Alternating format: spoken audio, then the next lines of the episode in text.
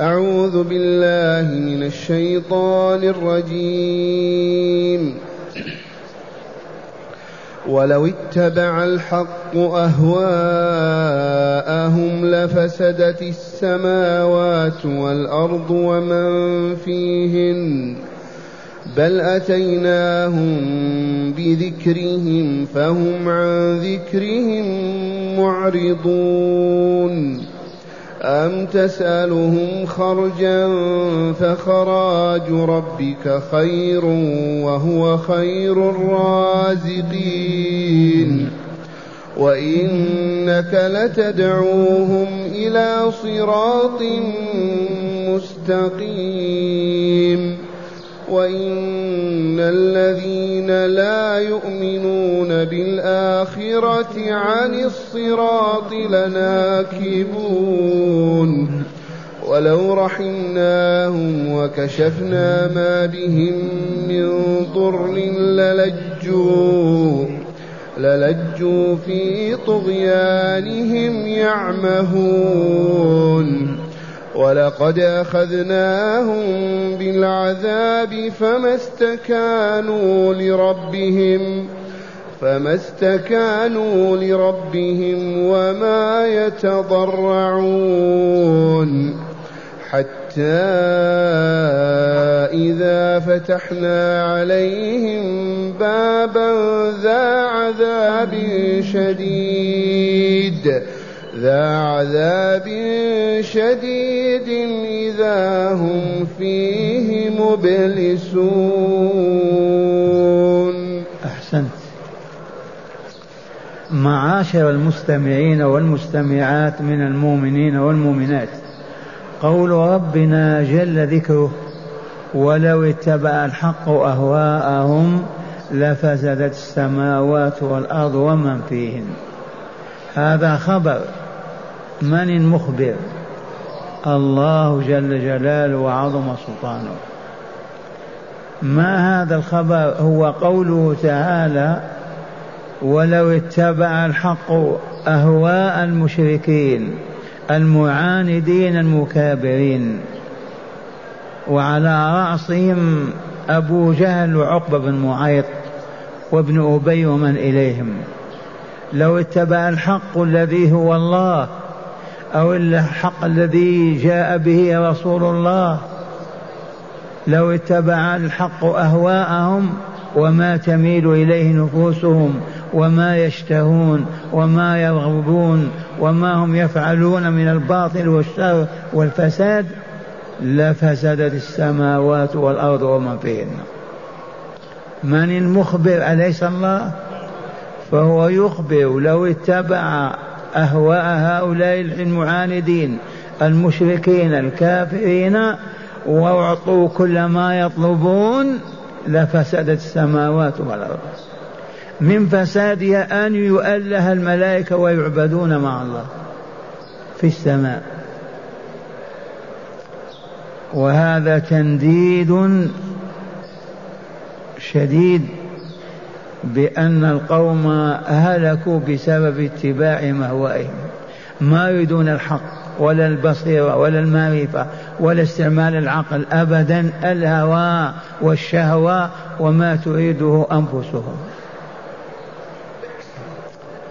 إذا فكيف يعطيهم الله عز وجل ما يريدون وما يشتهون؟ لو أعطاهم ما يشتهون لخرب العالم علويه وسفليه كاملا. وذلك لعنادهم وكفرهم وشهواتهم وأطماعهم وفسادهم الذي يعيشون عليه. فقوله تعالى ولو اتبع الحق الذي جئت به يا رسولنا لو اتبع الله هو الحق عز وجل أهواهم واستجاب لهم لفسدت السماوات والأرض ومن فيهن من الملائكة ومن الإنس والجن وما عدا ذلك تابع لهم. فقال تعالى بعد ذلك أضرب على هذا وقال بل آتيناهم بذكرهم جئناهم بشرفهم وكمالهم. وما يرفع قيمتهم ويعلي درجتهم ألا وهو القرآن الكريم. ولقد أنزلنا إليك كتابا فيه ذكركم أفلا تعقلون. فالشرف والكمال في هذا القرآن ومع الأسف أعرضوا عنه. بل أتيناهم بذكرهم ما يذكرون به الله وما عنده وما لديه حتى يعبدوه ويوحدوه ويطيعوه ويتبعوا رسوله وفيه ذكرهم وشرفهم وكمالهم.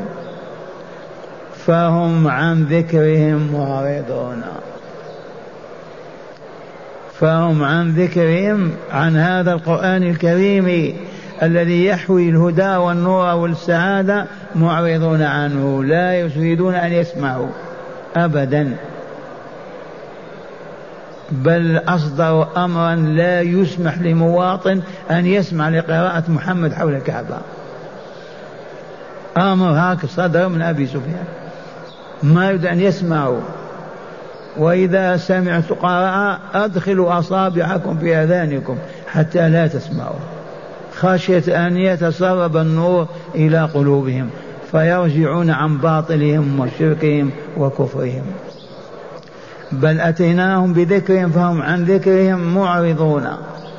عرفتم الإعراض كيف يعطي ظهره ولا يلتفت إلى من يكلمه ويدعوه ثم قال تعالى أم تسألهم خرجا؟ على هذه الدعوة أعطونا خراجا مالا راتب وظيفة حتى نبلغهم دعوة الله. لو سألت هذا لكانوا محقين. ما هم مستعدون ليعطوك المال حتى يتبعوك. لكن والله ما سأل منهم درهما ولا حفنة طعام. مرة ثانية لو كان يطالبهم بالمال تريدون أن تسلموا أن تسعدوا أن تكملوا أعطونا مبلغ شهري كذا أو سنوي وامشوا وراءنا تسعدون وتكملون. قد يقولون مع الأسف ما عندنا. أو يقول هذا يريد المال فقط لا هم له إلا هذا الذي يريده. فيصبحون معذورين. لكن الواقع ما سألهم ولا درهما واحدا. أم تسألهم خرجا أي رزقا؟ فخراج رب رزق ربك خير وهو خير الرازقين. فلهذا عاش كذا وعشرين سنة في مكة ما طلب أحدا ريال ولا درهم على دعوته. فخراج ربك الخراج المال الذي يرزق به الإنسان خير وهو خير الرازقين.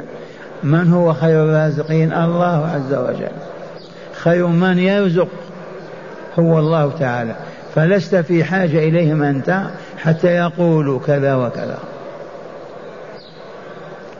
ثم قال تعالى وإنك لتدعوهم إلى صراط مستقيم. وإنك يا رسولنا محمد صلى الله عليه وسلم لتدعوهم لتدعو هؤلاء المشركين الضلال العميان التائهون في الضلالات تدعوهم إلى صراط مستقيم.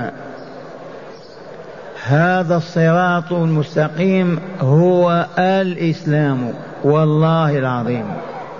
لما يسمى الإسلام بالصراط والصراط معناها الطريق الموصل إلى الهدف إلى الغاية المطلوبة. وقد مثلنا لذلك الطريق هكذا. نهايته باب الجنة.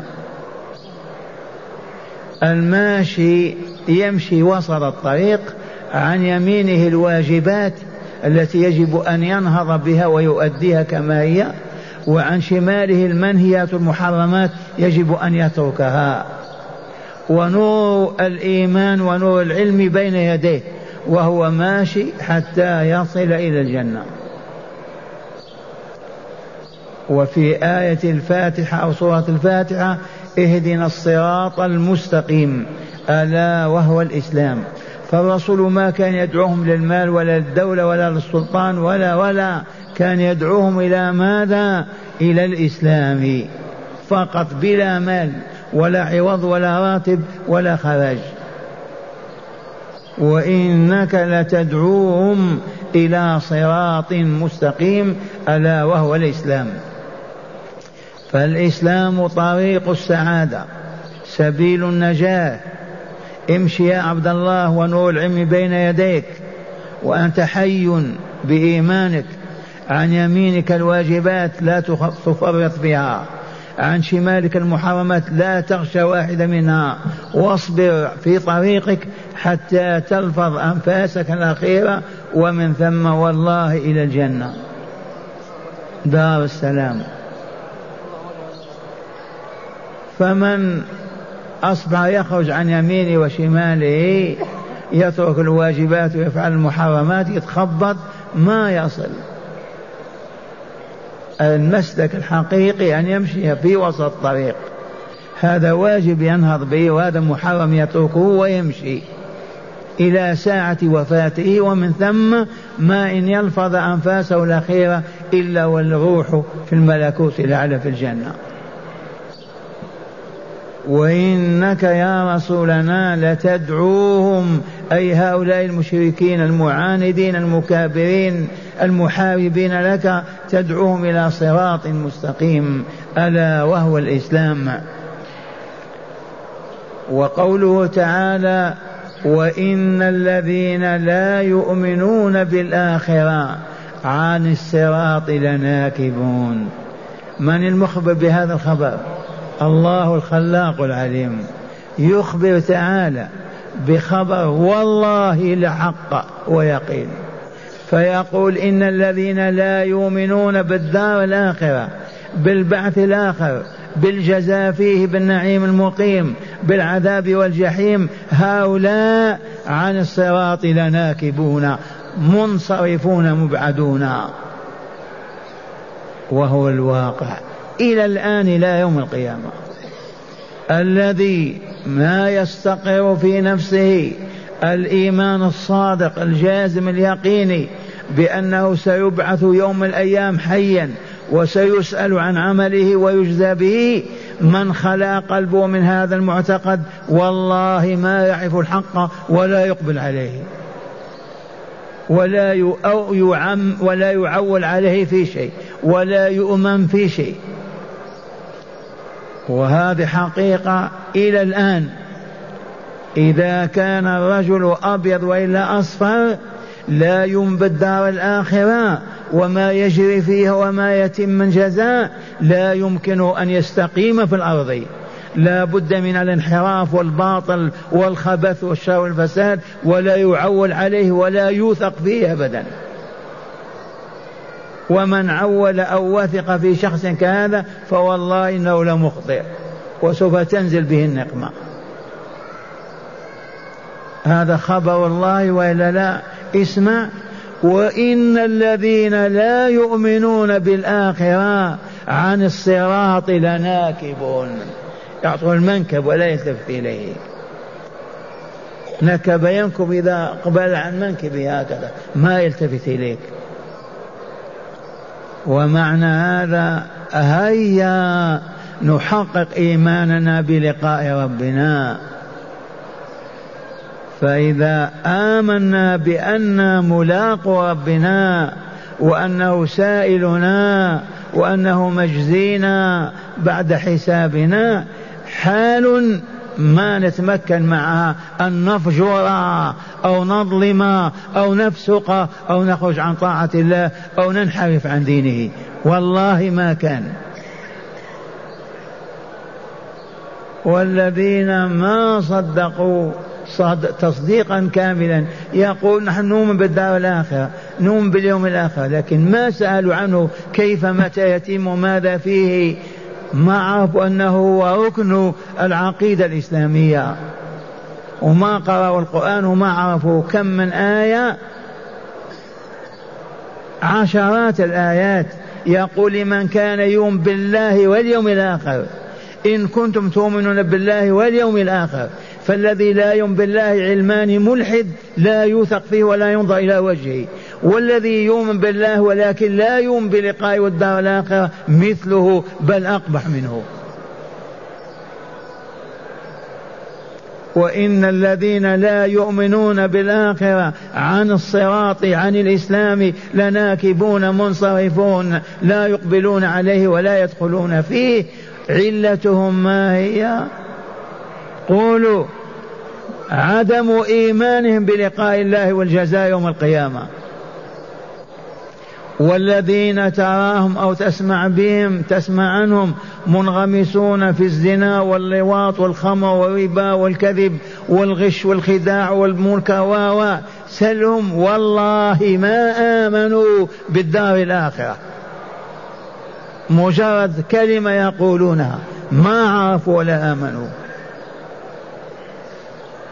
كيف يعرف أنه سيوقف وسيسأل وسيجزى بالعذاب الأبدي أو بالنعم المقيم ثم يصر على قضاء شهواته والمحرمات.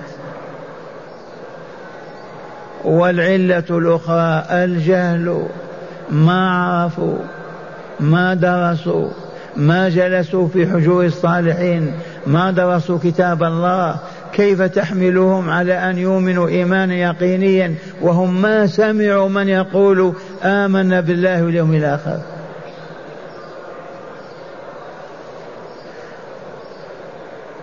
ثم قال تعالى ولو رحمناهم وكشفنا ما بهم من ضر للجوا في طغيانهم يعمهون أيضا. لماذا؟ لأنهم عميان. لا بصير لهم. هذا شأن الكافر بالله ولقائه. لو أن الله عز وجل كشف عنهم ذلك القحط والجذب الذي أصابهم سبع سنوات حتى أكلوا الميت والكلاب والجيف بل وجامعوا الوبا والصوف وغمسوها في الدماء وطبخوها وأكلوها. يروى أن أبا سفيان رضي الله عنه وكان زعيم الكافرين ورئيسهم قال للرسول صلى الله عليه وسلم أنت تزعم أنك مبعوث بالرحمة الإلهية. كذا تزعم؟ قال بلى. قالوا ما هذا القحط الجذب الذي أصابنا؟ فنزل قوله تعالى ولو رحمناهم وكشفنا بهم من ضر للجوا في طغيانهم يعمهون.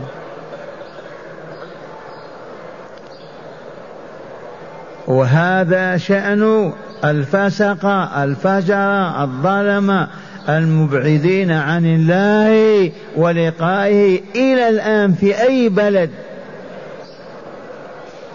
تباتم إذا أصابهم جوع أو بلاء أو كذا ما يرجعون أبدا لأن الرجوع يكون بسلامة القلب وصحته بنور الإيمان. والذي لا إيمان له كيف يرجع؟ ولو رحمناهم وكشفنا ما بهم من ضر للجوا في طغيان معمهون. ثم قال تعالى ولقد أخذناهم بالعذاب فما استكانوا لربهم وما يتضرعون. بالفعل أصابهم بهزيمة بدر هزيمة نكرا مات رؤساهم وزعماؤهم أصابهم بالقحط سبع سنوات أخذهم بالعذاب فهل استكانوا ولانوا وانكسروا بين يدي الله وسألوا وطرحوا بين يديه وتضرعوا؟ لا أبدا. لما أموات ما لهم الذي يتضرع ويستكين ويبكي بين يدي الله لما تزل قدمه المؤمن العارف. أما الذي لا إيمان له بالله ولا معرفة بالله ولا ما عند ما يستفيد أبدا. ما يتضرع ولا يستكين ولا يذل لله تعالى بل يزداد والعياذ بالله قساوة وضلالة ولقد أخذناهم بالعذاب عذاب القحط والجذب عذاب قتل, قتل بدر فما استكانوا لربهم أي ما لانوا ولا ذلوا بين يدي الله وقالوا آمنا بالله آمنا بالله. وأطاعوا الله وأطاعوا رسوله لا أبدا وما تضرعوا ولا دعوا الله عز وجل. المؤمن الصادق عندما يصاب بنكبة يفزع إلى الله عز وجل يبكي بين يدي الله في الليل والنهار حتى يفرج الله ما به والذي لا إيمان له أو إيمان صوري لا حقيقة له المرض يهزه أو الجوع وهو ما يفكر في الله ولا يسأل يفكر كيف يشبع بس أو كيف يشفى من مرضه. ما يتضرع إلى الله. ما عرف الله حتى يتضرع إليه. وهنا يجب أن نعلم. يجب أن نعلم بطريق التعلم. يجب أن نعلم أمتنا نساء ورجالا. بدون علم لن نستقيم أبدا ولن نعرف الطريق إلى الله. ولقد أخذناهم بالعذاب فما استكانوا لربهم وما يتضرعون حتى إذا فتحنا عليهم بابا ذا عذاب شديد. هذا الذي أقوله والله تعالى أسأل أن لا يواخذني إن لم أصب. وكررت القول. إن أمة الإسلام تحت النظارة.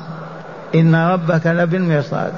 فإما أن تتحد كلمتهم وترتفع رايتهم ويجتمعون على دين الله ويطبقونه وينفذونه وينشرونه في الأرض لهداية البشرية وإلا سوف تنزل بهم النوازل أعظم من نوازل الاستعمار الذي أصابهم من الشرق إلى الغرب وأذلهم وأهانهم قلت هذا وما زلت ومن يعش يسمع ويرى. ما المانع أن يطبق شرع الله؟ العلم منتشر وسائل العلم فوق العادة. يجتمعون في الروضة في يوم واحد من أقصى الشرق إلى أقصى الغرب. يأخذون دستور في أربعين يوما فقط يطبقونه بالحرف الواحد من الشرط إلى الرئيس. ويطبقون شرع الله. وبذلك ماذا يكملون ويسعدون وينقذون البشرية مما هي فيه. أما مع هذا الإصرار على ما هم عليه فلنقرأ هذه الآية.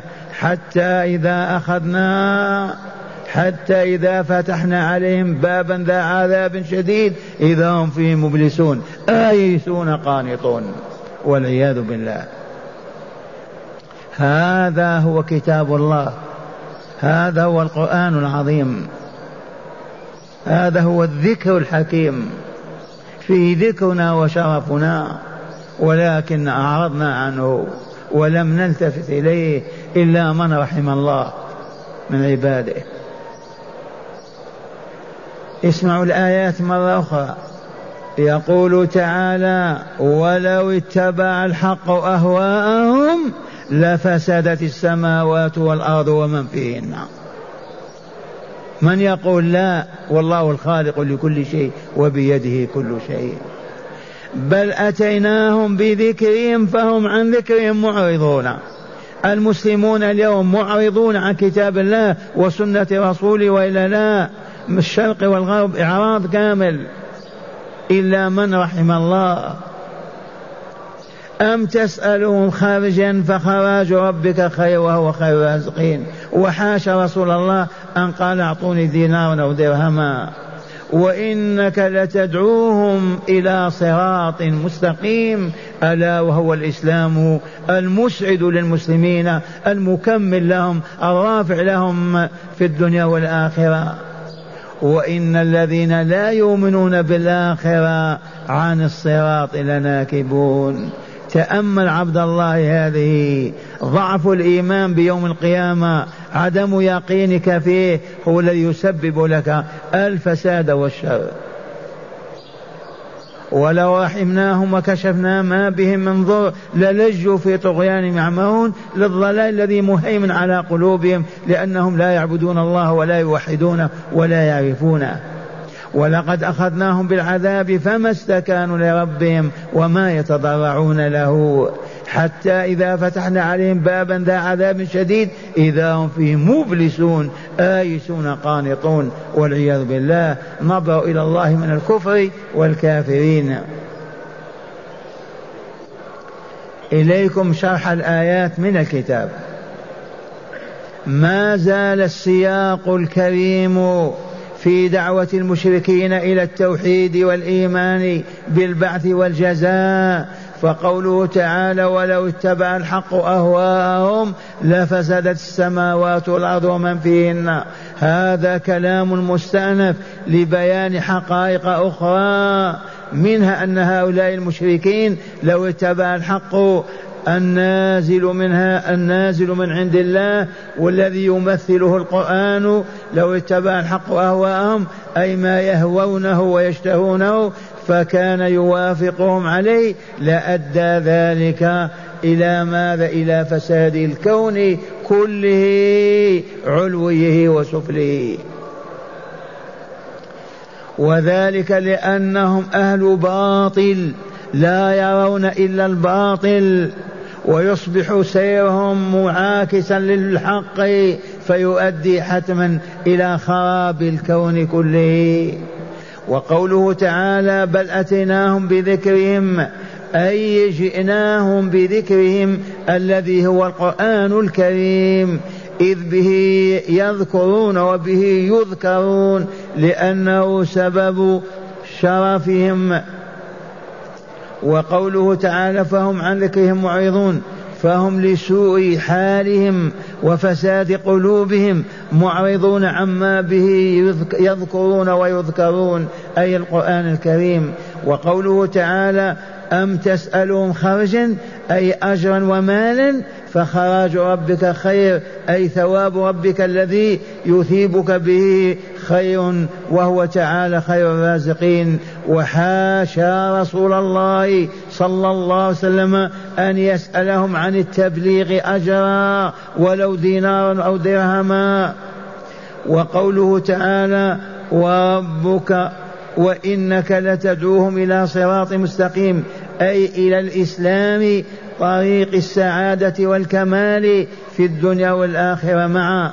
وقوله تعالى وإن الذين لا يؤمنون بالآخرة عن الصراط لناكبون أي علة تنكبهم أي ابتعادهم عن الإسلام هو عدم إيمانهم بالآخرة. وهو كذلك وهو كذلك. فالقلب الذي لا يعمره الإيمان بلقاء الله والجزاء يوم القيامة صاحبه ضد كل خير ومعروف ولا يؤمل منه ذلك ولا لعلة كفره والعياذ بالله.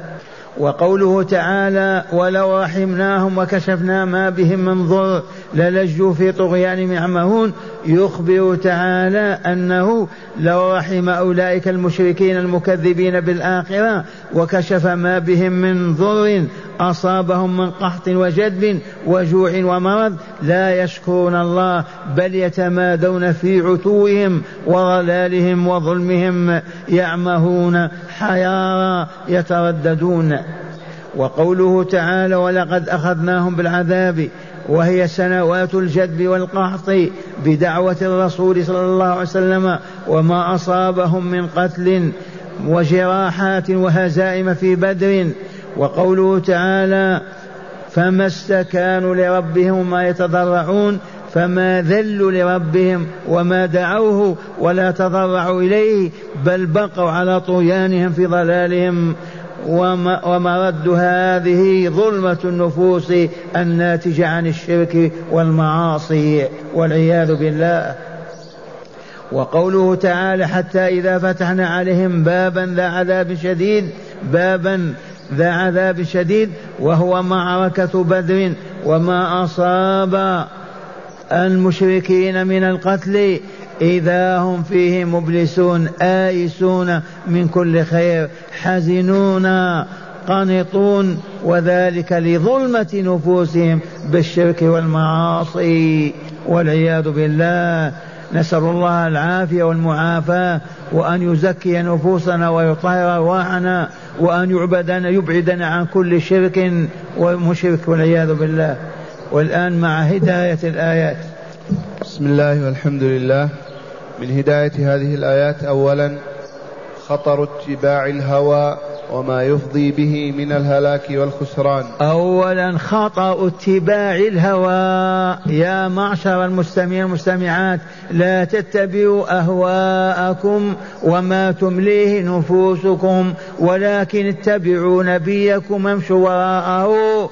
في كل شؤون حياتكم في الأكل في الشرب في اللباس في المشي في القعود في الرحيل في النزول. دائما الرسول بين يدينا نتبعه. أما أن نتبع الهوى وميل النفس والله ترمي بنا في الضلال البعيد. ما تتبع هواك وما تميل نفسك. اتبع ما جاء عن رسول الله في كتاب الله. نعم. ثانيا الصراط المستقيم الموصل إلى السعادة والكمال هو الإسلام لا غير. ما في ذلك شك. الصراط المستقيم الذي ذكره تعالى في هذه الآية وفي سورة الفاتحة وفي غيرها هو الإسلام ولا تتردد. الصراط الطريق المستقيم الذي يصل بالسالكين إلى النعيم المقيم إلى الجنة ألا وهو الإسلام.